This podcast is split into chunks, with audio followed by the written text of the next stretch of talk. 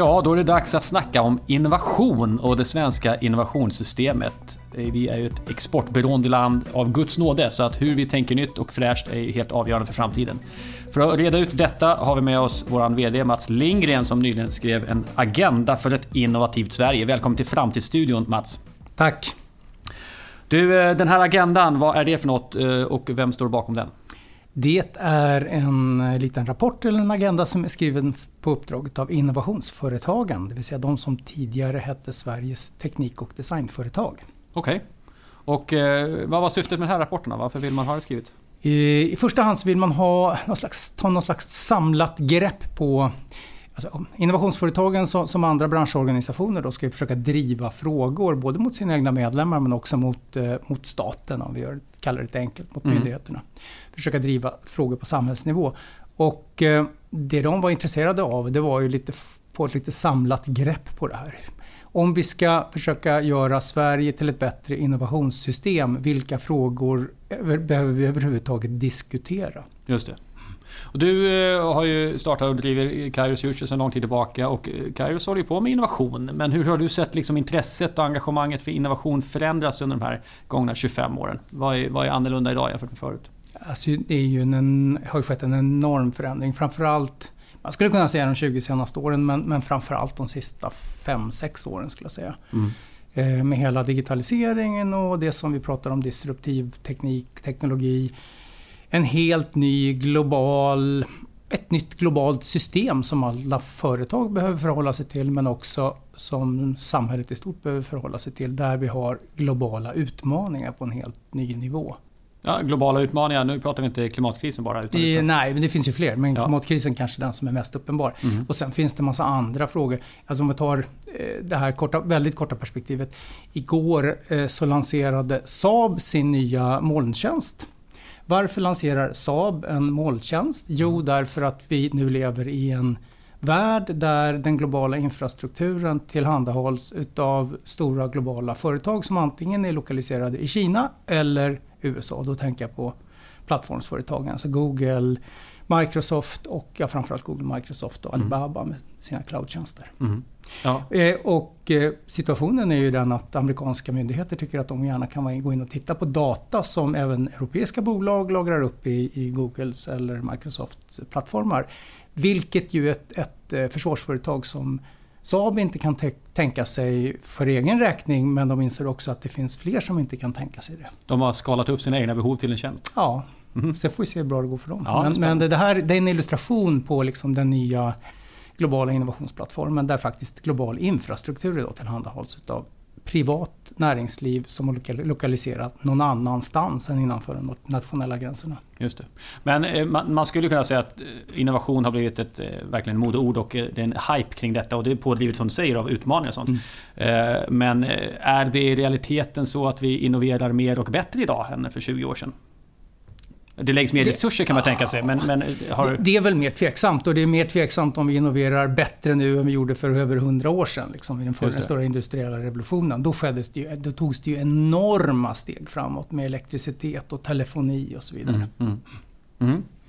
Okej, okay, den här Agenda för ett innovativt Sverige då, av innovationsföretagen och som du har eh, skapat. Eh, i in, den inledande texten så står det bland annat så här.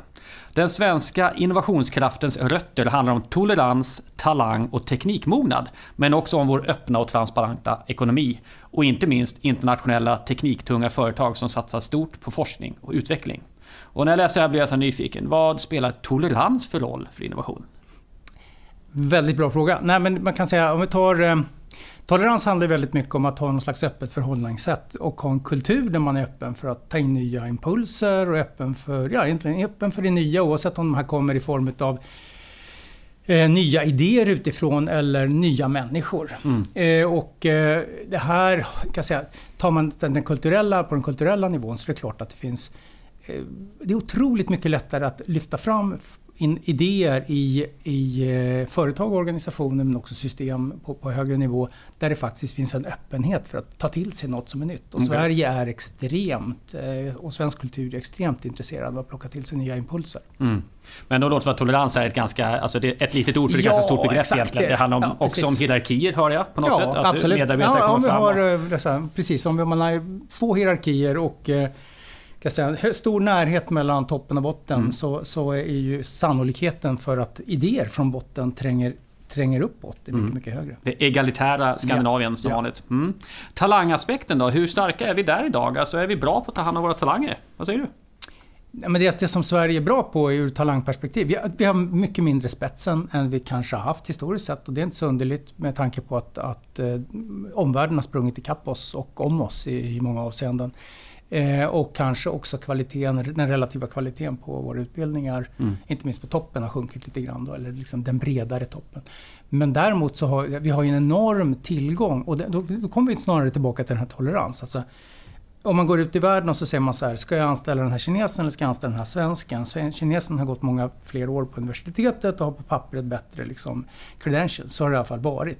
Ja, men jag tar nog en svensk i alla fall. För de säger som det är och liksom hittar lösningar och är lite påhittiga och sådär. Okej, okay. ja. Det är intressant. Så får vi se hur länge det räcker. Ja, ja precis. Mm. precis. Mm. Eh, jo, men det är intressant också synen på utbildning och nödvändigheten av att lära sig och att utbilda sig. Den är, brukar vara väldigt stor skillnad på ibland väldigt mogna samhällen, välfärdssamhällen versus de som är i någon slags expansionsfas mm. där utbildning är så väldigt tydligt kopplad till mm. att mina barn kommer få ett bättre liv än vad mm. jag har till exempel. Det den kopplingen är inte lika glasklar i Sverige. Så att det har också påverkat liksom, eh, investeringen i utbildning för individer, tänker jag ibland.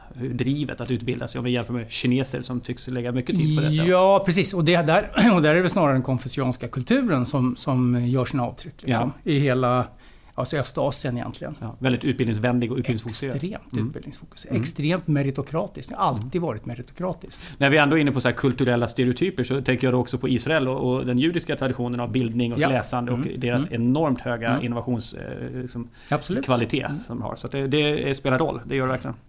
Teknikmognaden då? Vi pratar ofta om att vi är tidigt ute med ny teknik. Vi var ett av världens telefontätaste städer vill jag minnas. I, mm, Stockholm. Ja, Stockholm. Mm. Så att här finns en tradition av att ta sig an tekniken och öppenheten till det. Absolut. och det är ju en del av någon slags skandinavisk kultur som en del beskriver som en ängslig kultur. Alltså vi är så rädda för att vara ute.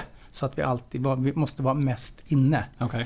Eh, men jag tror inte att det är riktigt så enkelt. Det är inte hela sanningen. Men vi är ju väldigt teknikmogna. tittar du på internationella jämförelser och tar till exempel digitalisering. Där ligger svenska, svenskarna som individer väldigt långt fram. Inte längst fram i världen, men i toppen i alla fall. Mm. Beroende lite på hur man mäter. Svenska företag ligger också väldigt långt fram. Offentlig mm. sektor saggar däremot sakta och åker sakta neråt i Just. listorna. Mm. Nej, men man kan, om man spekulerar lite här, alltså historiskt sett så teknik har ju varit väldigt positivt i Sverige också tänker jag. Alltså vi har, vi har företag, stora ja. internationella företag jämfört med många andra länder, mm. väldigt framgångsrika. Mm. Det har varit teknikföretag mm. i sig. Eh, vi beskriver ju vårt det här årshjulet över samhällets mm. utveckling. Det är ingenjören mm. som är hjälten eh, direkt efter kriget och så vidare. Det finns en positiv syn kring det. Vi har haft en duktiga vetenskapsmän och tekniker eller ingenjörer på många ställen. Ja. Så att eh, storyn finns I där. I förhållande till vår storlek har vi enormt många fram Två bilmärken och ett flygplanstillverkning ja, och, och försvarsindustri. Framförallt, framförallt historiskt sett. Vi har haft många framstående vetenskapsmän och innovatörer. Liksom. Ja, ja och nu har vi många fortfarande duktiga ingenjörer, även om det börjar bli, eller är brist på dem. Men låt oss titta vidare då. Då har vi pratat om lite grann innovationskraftens rötter. En annan sak som står här som jag tycker är intressant, det är ju så här då att en ny innovationsarena växer fram i en tid av osäkerhet och globala och nationella systemutmaningar. En arena präglad av komplexitet, digitalisering, plattforms och tankeekonomi-logik. Det ställer inte bara individer och företag inför nya möjligheter och utmaningar, utan det reser också nya krav på nationer och stater. Det här tycker jag är intressant när vi tittar då, för att eh, vi pratar om innovation nu och hur man kan stötta innovation i Sverige, hur innovationssystemet ska se ut. Och I det här finns det något spännande. Å ena sidan finns berättelsen om den här entreprenören som under 90-talet och framåt ofta framställdes som en enskild individ, Steve Jobs eller andra giganter som stod på scenen och var liksom den här innovatören. Eh, samtidigt som vi vet att samhället spelar jättestor roll i att eh, både utbilda och sen stötta innovation och utveckling och se till att det finns resurser för uppskalning och så vidare. Vad ser du för de nya kraven på nationer och stater i framtiden? Alltså vad är annorlunda med att vara en stat i detta innovationsrace? Det här är en stor och komplex fråga, men det korta svaret är väl så här att eh, om det är så att vi står i ett sånt här transformativt läge Alltså egentligen, om vi backar tillbaka till 150 år, det blir väldigt, väldigt 160-170 år tillbaka i tiden, det blir väldigt enkelt att förstå. Men vänta nu, nu kommer järnvägarna. Finns det, är det här något som det, vi kan skrapa ihop tillräckligt mycket privat kapital för att göra, så bygga stambanor? Ja, det försökte man göra och mm. misslyckades. Eh, och om inte staten hade gått in i det läget och byggt stambanorna till Göteborg och Malmö, då hade förmodligen inte Sverige industrialiserats. Just det. För det gick inte att skrapa ihop tillräckligt mycket kapital. Man var tvungen, staten var tvungen att låna upp en massa pengar. Okay. Och i de, den typen av skeden, om det nu är så att vi befinner oss i den typen av skede, ja då måste man kanske byta perspektiv på sin roll i ett innovationssystem. Mm. Det, det, är bara en del Just av det här. Just det. det andra är tror jag, att, att, att ska vi ska man ska säga, främja innovation ur ett nationellt perspektiv, vilket ju alla länder försöker göra och EU gör det på, på europeisk nivå, så är det också väldigt viktigt att förstå i vilken kontext vi gör det här. Det blir ju otroligt mycket viktigare idag. Alltså egentligen det finns någon slags tretakt i innovations... Innovationen är någon slags tretakt. Först har du de här Först behöver man liksom söka, mm. försöka hitta saker och ting. Sen måste man skapa och testa och bygga och se om saker och ting fungerar. Sen måste man skala. Och svenskt näringsliv varit extremt skickligt på att skala. Det är därför vi har de här stora framgångsrika internationella bolagen som ofta då skapade, byggdes för hundra år sedan. Men de var snabbt ute på globala marknaden, de hade en drivkraft att försöka expandera och, liksom, eh, och, och växa. Mm. Eh, och det är därför Spotify är framgångsrikt, därför att det är Daniel Ek och kompani driver liksom med, med en druckens envishet att vi ska bli störst i världen och vi ska försöka skala den här idén. Mm. Och annars hade man inte kommit någonstans. Ehm, men och då behöver man hitta ett, och då behöver vi hitta ett, liksom ett innovationssystem där det finns finansieringsmodeller till exempel som gör det lätt att ta sig över den här eh, dödsdalen som ofta eh, finns mellan såddkapital på väldigt tidig nivå där till exempel staten går in mm. och där eh, venture capital-bolagen vill gå in sen. Det är när du är, inne, när du är färdig för att kunna skala. Just det. Och där till exempel finns en lucka eh, idag. Där mm. egentligen ganska tunt med aktörer som stoppar in pengar någonstans. Det går lätt att få lite pengar. Liksom. Du får bidrag från Vinnova för 300 000 för att göra, ta de första stegen. Du kanske, blir du riktigt framgångsrik så kanske du kan få Almi Invest att gå in och liksom investera i en tidig fas och sen kan man hitta några såna här ängelinvesterare som går in och stoppar lite pengar. Men sen finns det ofta ett litet gap däremellan. Mm. Det är mm. bara ett exempel. att om, nu, om, om, logiken nu är att man måste skala extremt snabbt. Nästan alla företag idag måste upp på någon slags internationell nivå och jag menar, det är alltid världen som är marknaden, det är väldigt ofta världen som är marknaden. Ja, då behöver man trycka på och det måste finnas incitamentsystem som gör det lätt för bolag som Spotify till exempel att eh, det, ska säga, det måste vara lika lätt att rekrytera folk till Sverige som det är att få rekrytera folk till andra länder. Ja. Då måste vi ha liksom en någorlunda jämn spelplan kring hur man hanterar nya bo, framväxande mm. bolag. Mm. Men det uppfattar jag som att det här dödsdalen, det här gapet man ska över, eh, det är att staten är med i början och sen tycker staten kanske att nu borde marknaden ta över för Absolut. nu finns ju produkter. Och så finns det nödvändigtvis inte någon marknad. Nej, precis. Och å andra sidan sitter kanske lite fega och investerar tycker jag, men det behövs bevisas lite ja. mer innan vi går in faktiskt. Här. Ja. Och det, jag, menar, jag, ska, jag ska säga att det är inte omöjligt, men det är väldigt många som försvinner där. Mm. Eh, och, eh, och det är liksom en, bara en sån liten pusselbit. Men det finns många sådana pusselbitar. Det vill säga, vi behöver förstå vilken kontext vi befinner oss i.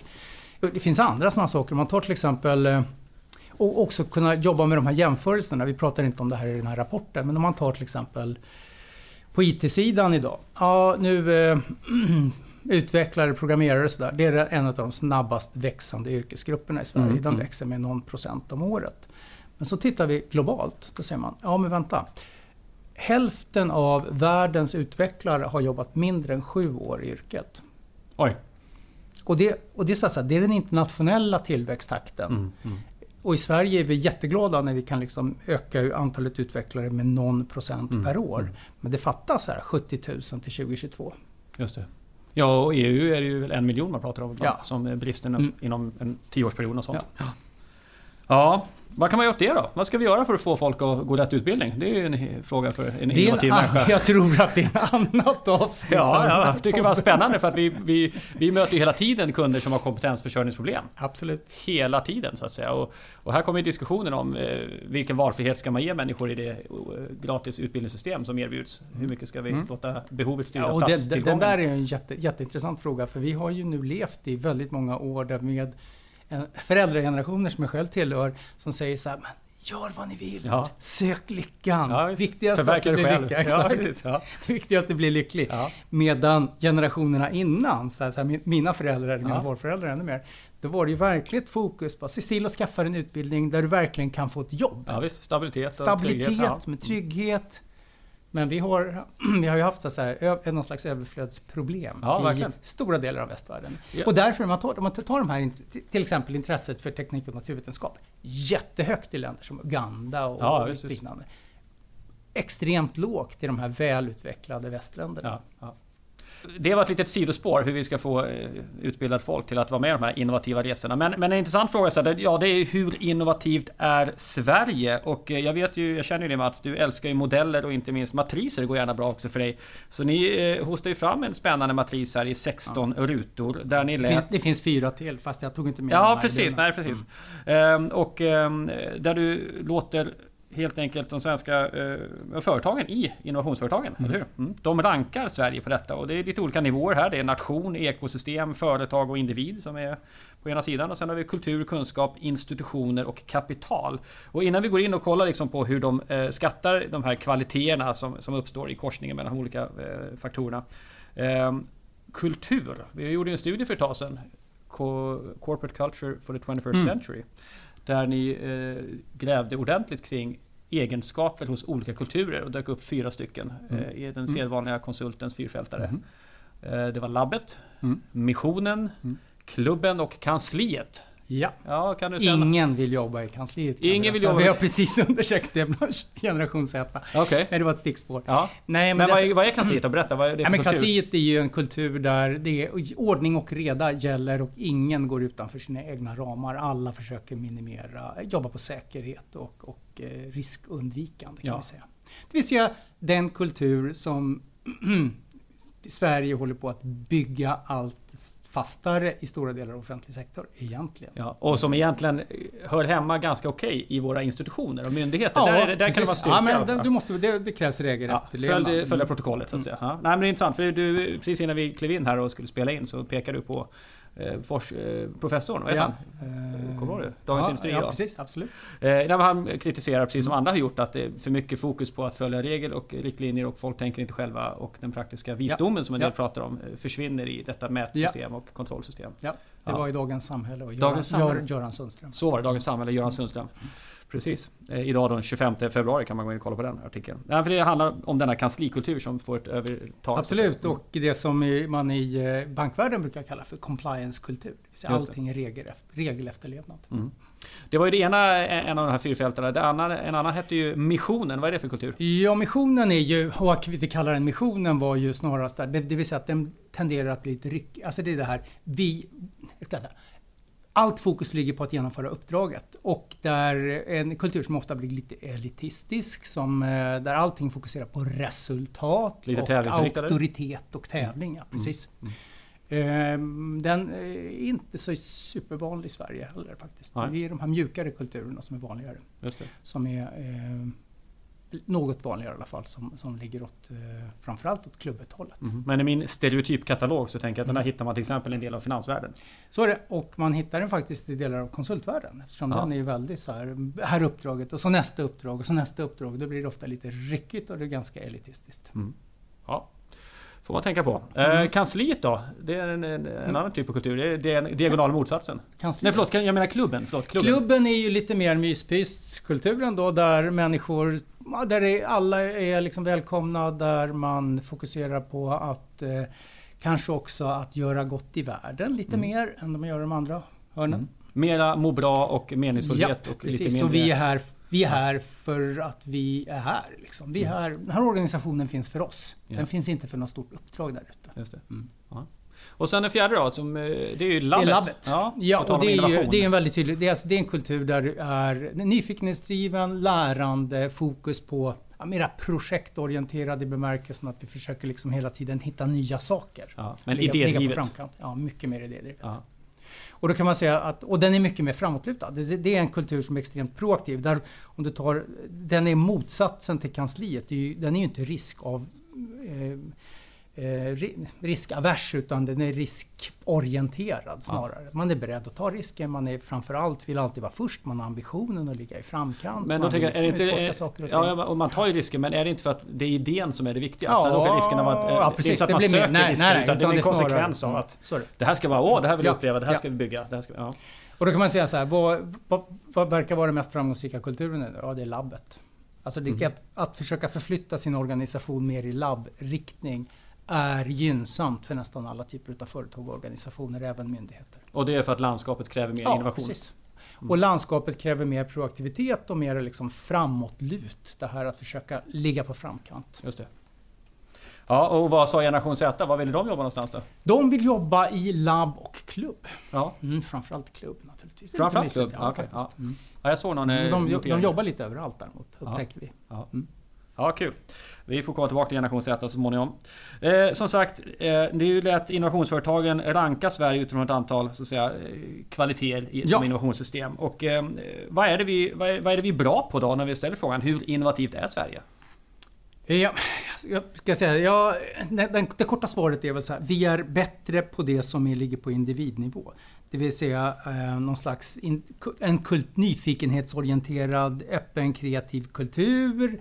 Kunniga, med, kunniga liksom människor som är lite påhittiga och sådär. Mm. Vi har eh, ett utbildningssystem som eh, som, som, stimulerar, främjar nyfikenhet och sådana saker. Så på individnivån och företagsnivån så är vi generellt sett bättre. Vi är sämre enligt då innovationsföretagens medlemmar men också enligt företagsledare i vårt eget nätverk som inte är nödvändigtvis är medlemmar i innovationsföretagen sa ungefär samma sak både på offentlig och privat mm. sektor. Att på någon slags ekosystemsnivå, den här samverkansnivån mellan olika bolag eller mellan offentliga och privata och på den nationella nivån så är vi lite svagare. Mm. Vi har liksom svagare, vi har svagare stödjande, vi är svagare på stödjande system än eh, ska säga, de individuella förutsättningarna. Mm. Och det här måste man säga, det här är självskattningar och det är ju ganska rimligt att just innovationsföretagen tycker att stödet är för litet. Absolut, men även, de, även, ska säga, för, även ledare i offentlig sektor ja. säger ungefär samma sak. Ja. Mm. Man vill ha mer från, eh, från samhället runt omkring. Mer stöd. Ja, framförallt om man tar det kulturfrågan. Så här, vi, jag försökte operationalisera det här. Det, det, att göra, det är extremt... vi gjorde 16 frågor utav det. Ja. Eh, och så, det, här, det här är frågor som då skulle spegla en framgångsrik modell i respektive ruta. Ja. Eh, och tar man sådana här saker på ekosystemnivå eller på eh, Ja, men ta till exempel på nationell nivå, så på kunskap då, så skriver vi så här. Ja, vi har myndigheter och medarbetare i dessa som förstår innovation och entreprenörskap. Vilket blev rött. Alltså, här, underkänt. Ja, underkänt. Här är vi sämre, tror ja företagsledare i Sverige och innovationsföretagens medlemmar. Här tror man att vi är sämre än man är på andra håll. Det är ju inte säkert att det är så, Nej. men man uppfattar det, man gissar det. Liksom, ja, så, våra viktigaste konkurrentländer. Ja, så konstaterar vi också, jag menar institutioner, om vi nu eh, kallar det för myndigheter bland annat då, eh, så de har ju en annan kultur, så det är ju ja, det är rimligt. Ja. Och, och, då, och, då, kan man säga så här, förståelsen för eh, ska säga, förståelsen för de här grundläggande förutsättningarna bland myndighetspersoner, kanske då framförallt innovationsföretagens medlemmar säger, ja, men den är inte liksom på topp. Nej. Man förstår egentligen inte vilka man pratar med. När vi ska försöka samarbeta kring saker och ting så förstår ju inte den andra sidan våra villkor överhuvudtaget och då blir det lite kajko i, den, i, mm. i samverkan. Mm. Um, och sen ska vi säga så här, det, det som generellt sett fick lägst betyg, det var allting som handlade om kapitalförsörjning. Ja, precis. Men det där kan man läsa mer om i rapporten som går att ladda ner på vår sida eller hemsida Jajamän. eller på innovationsföretagens hemsida. Ja, och som lite avrundning på detta samtal om innovationen i Sverige, agendan för ett innovativt Sverige. Det var att titta på de 15 stycken stegen mot en innovativ framtid. Och jag tänkte vi tar oss igenom den men kommenterar bara ett fåtal. Ja. ja, då börjar vi. Nummer ett. Har en kultur där ambitionen är att vara först med att förstå, testa och i rätt tid skala är systemets själva DNA. Ja, ja. det är den här framåtlutet. Ja. Mm. Det är inte så mycket att säga om det, det förstår vi. Det är viktigt mm. att vara tidigt ute om man ska vara innovatör. Det är dumt att komma två, eller åtminstone komma tia. Mm. Nummer två, man har en övergripande idé om framtidens omvärlds och marknadsutmaningar och låter denna idé vägleda strategi och strategisk innovation och kapacitetsuppbyggnad. Ja, ja. och det är ungefär det vi upptäckte i det där projektet. Det här har vi, här har vi forskat på rätt många projekt och det är väldigt tydligt på företagsnivå. Att man behöver förstå omvärlds och marknadsutmaningar? Ja, men också att dra, alltså, transformera det, alltså egentligen ha det som vägledning i allt i strategiska arbete, allt i innovationsarbete. Den här aligning, alignment mellan Eh, vad händer där ute i världen? Eh, hela typ, in i det vi gör. Det där är så att säga grundkurs 1A från eh, strategi, management, strategiforskning alla 60-tal. Där har vi pratat om i oändliga tider. Det är Men, det vi lever på.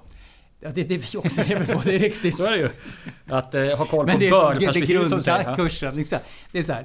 Eh, omvärlden ska prägla vilken strategi man har. Den strategi man har ska prägla hur man organiserar sig. Ja. Mm. Den Där. alignmenten är inte alltid särskilt stark. För dig som lyssnar och inte har jobbat med strategi, där fick du grundkursen på tre ja. korta begrepp.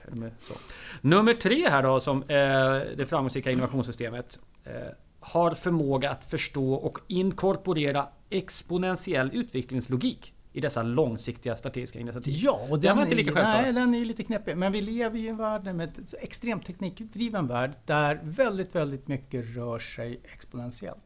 Och människan tänker linjärt och vi har väldigt svårt att förstå det där att tar jag 30 exponentiella steg där det första steget är en meter, det andra är två och så vidare Ja, då hinner jag liksom, Och dubblar hela vägen? Ja, då blir precis. Då hinner jag till månen tillbaka och halvvägs till månen när jag har tagit 30 steg. Mm. Och den, det där begriper vi inte. Efter ja, de första 3, 4, 5 stegen går inte så fort. Men sen smäller det till. Men, men nu talar du om teknikutveckling, så att man ska ja, begripa det Ja, men det här, ja precis. Men den, det har ofta en impact på massa andra områden. Det vill säga att när vi nu sitter och säger, ja men det här, elflyg. Inte 17 kommer det hända något elflyg, sa vi för två år sedan. Ja, nu säger de, ja men 2025, då kommer vi, köpa, vi kommer flyga kommersiellt i Sverige. Mm.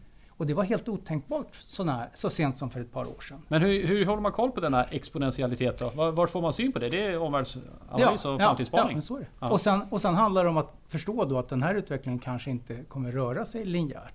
Ehm, utan det, det, här kommer, det här har någon slags exponentiell tillväxt tillväxt i sig. Och det gäller förmodligen, det gäller till, om man tar en, ett, ett älsklingsexempel som jag har installer, den installerade mängden solpaneler. Mm. Den har vuxit exponentiellt sedan början på 90-talet. Nu, mm. har, nu har den börjat plana ut. Okay. Men det gör ju det att det går extremt fort. Mm. mm. På tal om och tar man några få sådana här årssteg framåt, då inser man att då har vi enormt mycket sol. För, för du får teknikskiften dessutom mm. under resan. Så att du får tunnfils tunnfilmsceller och sen kan du liksom fylla alla dina fönster med dem, dina väggar med dem och även då får du de här språngvisa, det som man upplever som språngvisa förändringar. Mm. Mm. Ja, så det gäller att förstå och inkorporera denna exponentiella ja. utvecklingslogik. Mm. Nummer fyra då, på väg till framtidens framgångsrika innovationssystem, har en strategi för plattformslogiken. Vilka konsekvenser det får för systemet och hur de ska förhålla sig till existerande och framväxande plattformar och hur det självt kan ut kan nyttja plattformslogiken i egna syften. Ja, och då kan vi, om man gör det väldigt enkelt så brukar vi prata om tjänstifiering. Om man håller på med produkter och alla produktorienterade företag, industriella företag, pratar om tjänstifiering som innebär att vi lägger på mer och mer, först lägger på mer och mer kringtjänster runt våra produkter, sen bäddar vi in dem i lite större system. Vi kanske hyr ut dem istället för att sälja dem. Vi börjar sälja tillgänglighet eller tillit eller liksom eh, driftsäkerhet snarare än enskilda produkter. Men efter, när vi då bäddar in de där produkterna också med en massa sensorer, då, då, blir det liksom, då bör vi kunna mäta saker, då bör vi kunna sälja predictive, alltså förutsägbara avbrott och liknande.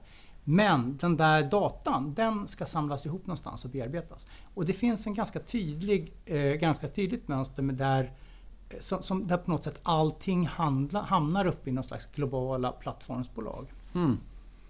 Så att, det okay. finns rapporter man kan läsa om det där också. Ja, det är klart det gör. Men, eh, men eh, du menar att... Men den logiken tror jag, den ja. finns på nästan alla områden. Vem är... Förr kallade vi det spindeln i nätet. Men spindeln i nätet idag är ofta en aktör som sitter på all data. Ja. Och den kan sitta på datan lokalt eller regionalt eller nationellt men allt oftare dessutom liksom, mm. längre upp. Mm. Okej, okay, det gäller att greppa om mm. detta. Mm. Mm. Steg nummer fem då. Man har en övergripande förståelse för AIs konsekvenser för systemet på övergripande och lägre systemnivå och en strategi för hur AI kan nyttjas på bästa sätt. Och det systemet vi pratar om är innovationssystemet då. Mm. Så hela apparaten kring människors innoverande och företags innoverande. Ja, det var inte så konstigt. Nej. Det står ungefär ha koll på AI. Ja. ja. Och 5G skulle vi kunna tillägga. Ja, just det. Mm. Eh, på steg nummer 6 då, har en övergripande förståelse för hur komplexitetsökningen i arbetsuppgifter påverkar produktivitet och produktivitetsdifferentiering och hur det här påverkar systemet då förstås. Och till exempel fånga upp exceptionella outliers. Det var mycket nytt här nu. Ja, Produktivitetsdifferentiering, vad är det här? Det. Ja, det, det, det, här är väldigt enkelt. Man säger, förr i tiden när folk grävde diken, då grävde den som var snabb kanske dubbelt så fort som den som grävde lite långsammare. Eh, och idag visar det sig att man har, man tittar på arbetsuppgifter som har låg grad av komplexitet, så är de riktigt duktiga ungefär 50% bättre än medelmåttorna. Men när du tar uppgifter som är lite mer komplexa, det vill säga de flesta kunskapsarbetesuppgifter, akademikeruppgifter, då är de, de duktiga i genomsnitt ungefär åtta gånger så produktiva som medelmåttorna. Oh ja. Och det är de här... Men nu pratar vi individer, inte systemet. Nej, men nu pratar vi om individer. Ja, och det är de här individerna som alla håller på och jagar idag. Och det är därför man säger så här, det är kompetensbrist, säger eh, näringslivet, ja, företagsledare över hela världen. Vi har kompetensbrist. Det kanske inte betyder att vi har brist på e, här, i antal nödvändigtvis. Men vi försöker leta de där gånger åtta personerna. Mm. Kognitiva konkurrensen ökar? Ja, just det. Konkurrensen och det, det är förmodligen så att vi, vi skulle kunna hitta mekanismer där vi skulle kunna göra där man skulle kunna öka här kunskapsproduktiviteten ganska väsentligt på, med de här, genomsnittsindividerna också. Mm. Men det är en annan kapitel. Det är en annan sak. Eh, okej, okay, steg nummer sju. Ha förståelse för smiley och tankeekonomins logik och vikten av konceptuellt tänkande som kombinerar djup kunskap från många olika fält, inte minst kombinationen idéer och affärer, samt ha strategier för hur detta tänkande ska stärkas och hur ekosystemet kan involveras i det konceptuella utvecklingsarbetet. Ja, här pratar vi konceptuellt tänkande. Det har vi gjort rätt nyligen här i vår stora studie Stora jobb. Där förmågan till att tänka konceptuellt, alltså kombinera många befintliga idéer till någonting helt nytt blir allt viktigare naturligtvis. Och här ska då ekosystemet runt innovation, innovatörerna involveras i det här utvecklingsarbetet på något sätt. Det är viktigt. Mm. Ja. Konceptualisering. Steg nummer åtta. Ha förståelse för konsekvenserna av övergripande geopolitiska scenarier som kan påverka systemet. Samt strategier och beredskap att hantera dem. Ja, det var inte så mycket att säga om det. Eh, nian. Ja, men där är vi ju naiva. Alltså, Europa har ju ingen geopolitisk strategi. Nej, nej. Och om vi nu bygger, och innovationssystemet har ju väldigt starkt fokus på att vi ska göra i Europa. Eh, och nu har, vi, nu har man tagit fram någon ny strategi för AI som ett exempel på det. Då. Eh, som förmodligen eh, inte är Ja, men det är inte typiskt europeiskt. Vi börjar med att försöka titta på problemen istället mm. för att försöka se och oj, men resten av världen springer med full fart in i AI-världen. Mm. Och då ska vi börja med att försöka liksom hitta en strategi för att hantera eventuella framtida problem där AI blir mer smartare än människor och blir exponentiellt dessutom smartare än oss när vi väl har passerat någon slags singularitet. Så det är den och massa etiska frågor. Ja, de, de är otroligt viktiga. Mm. Eh, men det här är, en, det är typiskt, en typiskt geopolitisk fråga där man behöver ha någon slags strategi och förhållningssätt och Europa tror jag har ju ingen riktigt bra geopolitisk strategi. Däremot har Kina en bra mm. och Ryssland har geopolitiska strategier. USA brukar ha det. Mm. Sam Harris pratade väldigt intressant om detta på TED, ett TED-talk. Han pratade just om eh, konkurrensen att vara först med den gigantiska AI-genombrottet mm. så att säga och vad betydelsen blir. Mm. Eh, det land som gör det kommer ju plötsligt ha en helt annan kapacitet. Men det är risken också att det startar en konflikt från andra länder som vill stävja detta om man hårdrar det riktigt långt så att säga. Ja, men just nu så, är, så håller vi på och kryper. Vi har inte lärt oss nej, att gå nej, liksom, nej, det är långt kvar. Igen. Ja, nej. Precis. Nej, jag frågade en forskare i, i Skövde på högskolan där, som jobbar med den här typen av eh, system. Han sa nej men AI idag är ungefär lika smart som en dagmask mm. om man mm. tittar på den generella intelligensen. Mm. Så, att säga. så det är en bra bit kvar. Men man behöver Men det finns massor av applikationer där det är ja. otroligt värdefullt. Ja, och om vi begräns, börjar begränsa dem innan vi ens hunnit börja utveckla dem, då ja. eh, är det riskfyllt. Mm. Steg nummer nio här är att systemet måste ha förståelse för konsekvenser för det egna systemet av skiftet mot en global medelklass som världens ekonomiska motor. Ja, den är självklar. Ja. Nummer 10 då. Det här innovationssystemet måste ha förståelse för hur hållbarhetsperspektivet påverkar systemet på kort och lång sikt. Och hur man då kan dra nytta av detta. Ja. Ja, det är inte så mycket att säga om Nej, det heller. Det är ett måste idag. Ja, det är liksom ingen val. Så det här är ju liksom punkter, många av de här punkterna är mer här, konsekvenser av den nya globala kontexten. Ja, det där är två av dem. Ja. Steg nummer 11 pratar om då de här konsekvenserna eh, av den globala kunskaps och innovationstyngdpunktens förskjutning. Och vilken räkning Ja, och det, det tror jag inte fattar. Det är svårt att förstå. Att det är ju sån enorm... Jag menar, det är också så här, det här går extremt fort.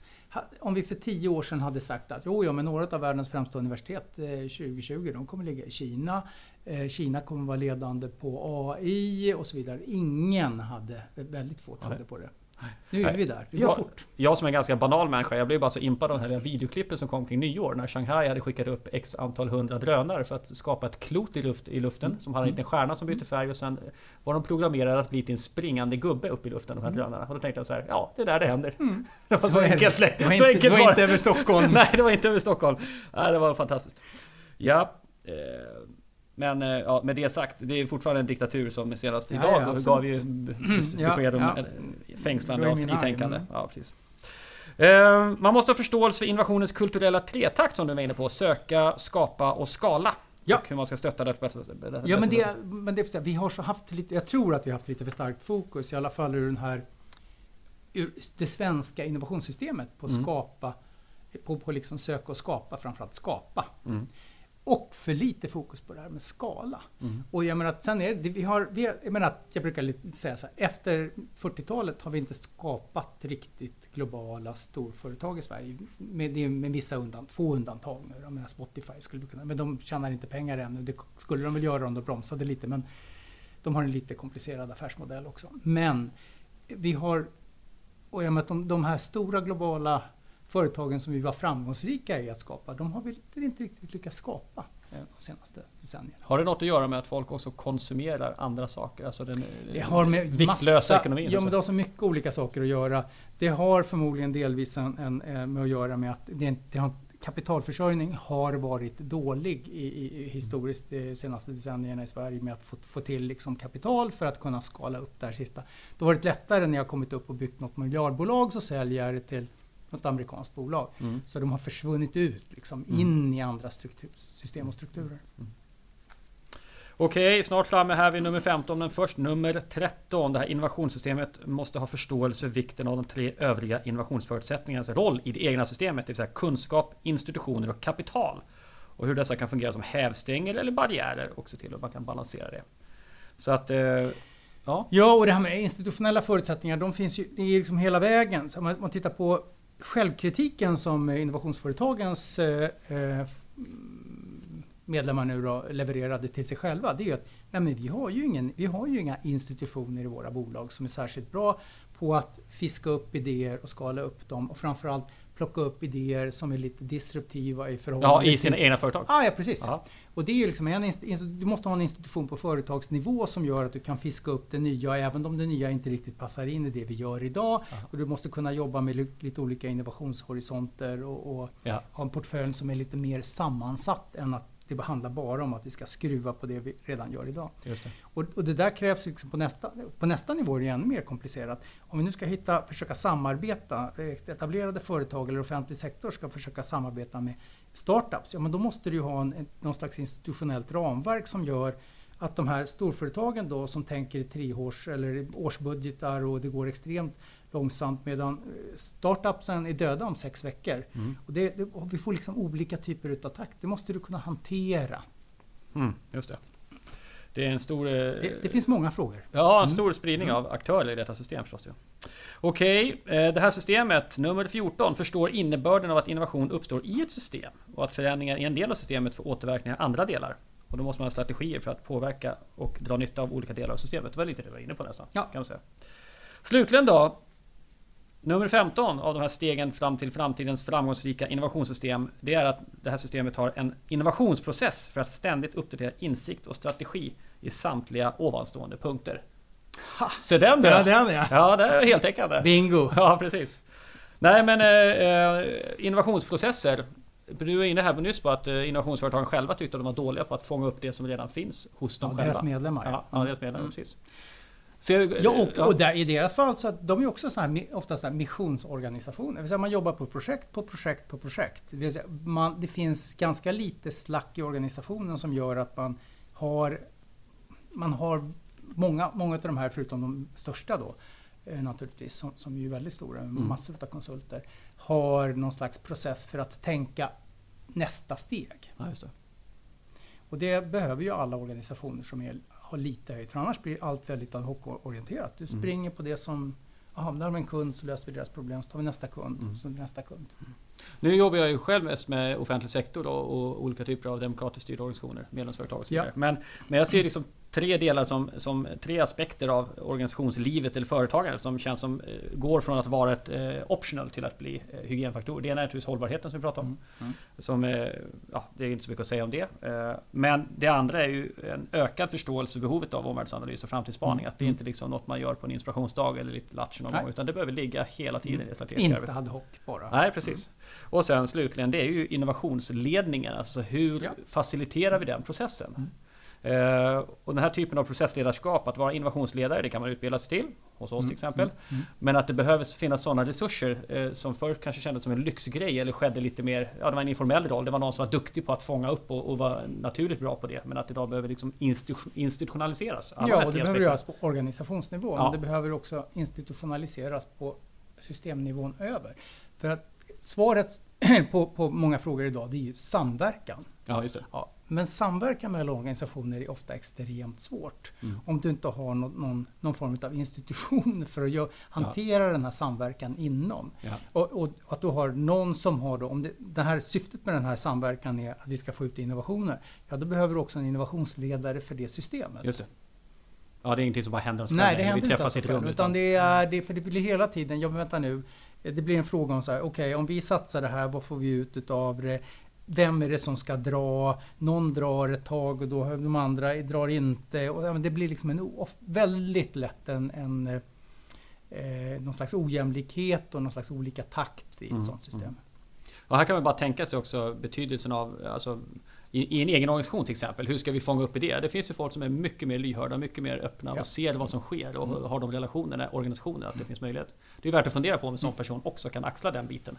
Att liksom vara den som eh, ser till att vi inte missar guldkornen från diverse medarbetare hit och dit. Ibland, ja. men inte alltid. Nej. Mm. Du, eh, nu har vi tagit oss igenom denna agenda för ett innovativt Sverige som du sa att man kan ladda ner den ja. på hemsidan om man vill läsa mer om hur det ska gå till framöver. Det är en viktig fråga. Vi är extremt exportberoende som sagt. Vi ja. har en hårdare global konkurrens att vänta. Och eh, vi har inte råd att inte vara spetskompetens. Alltså vi har ju, svenska samhället bygger på att vi har varit en hög kompetensnivå jämfört med omvärlden under lång tid. Inte... Ja, att vi har varit betydligt mer innovativa ja. än, än omvärlden. Ja. Så att eh, vi hoppas att många har lyssnat och eh, ni som jobbar i innovationssystemen eh, återkommer och eh, fortsätter bygga era system så att vi blir framgångsrika framåt också. Eller hur Mats? Ja! Bra! Då landar vi där idag tycker jag. Tack så mycket för att du kom hit. Vi ses snart igen. Tack!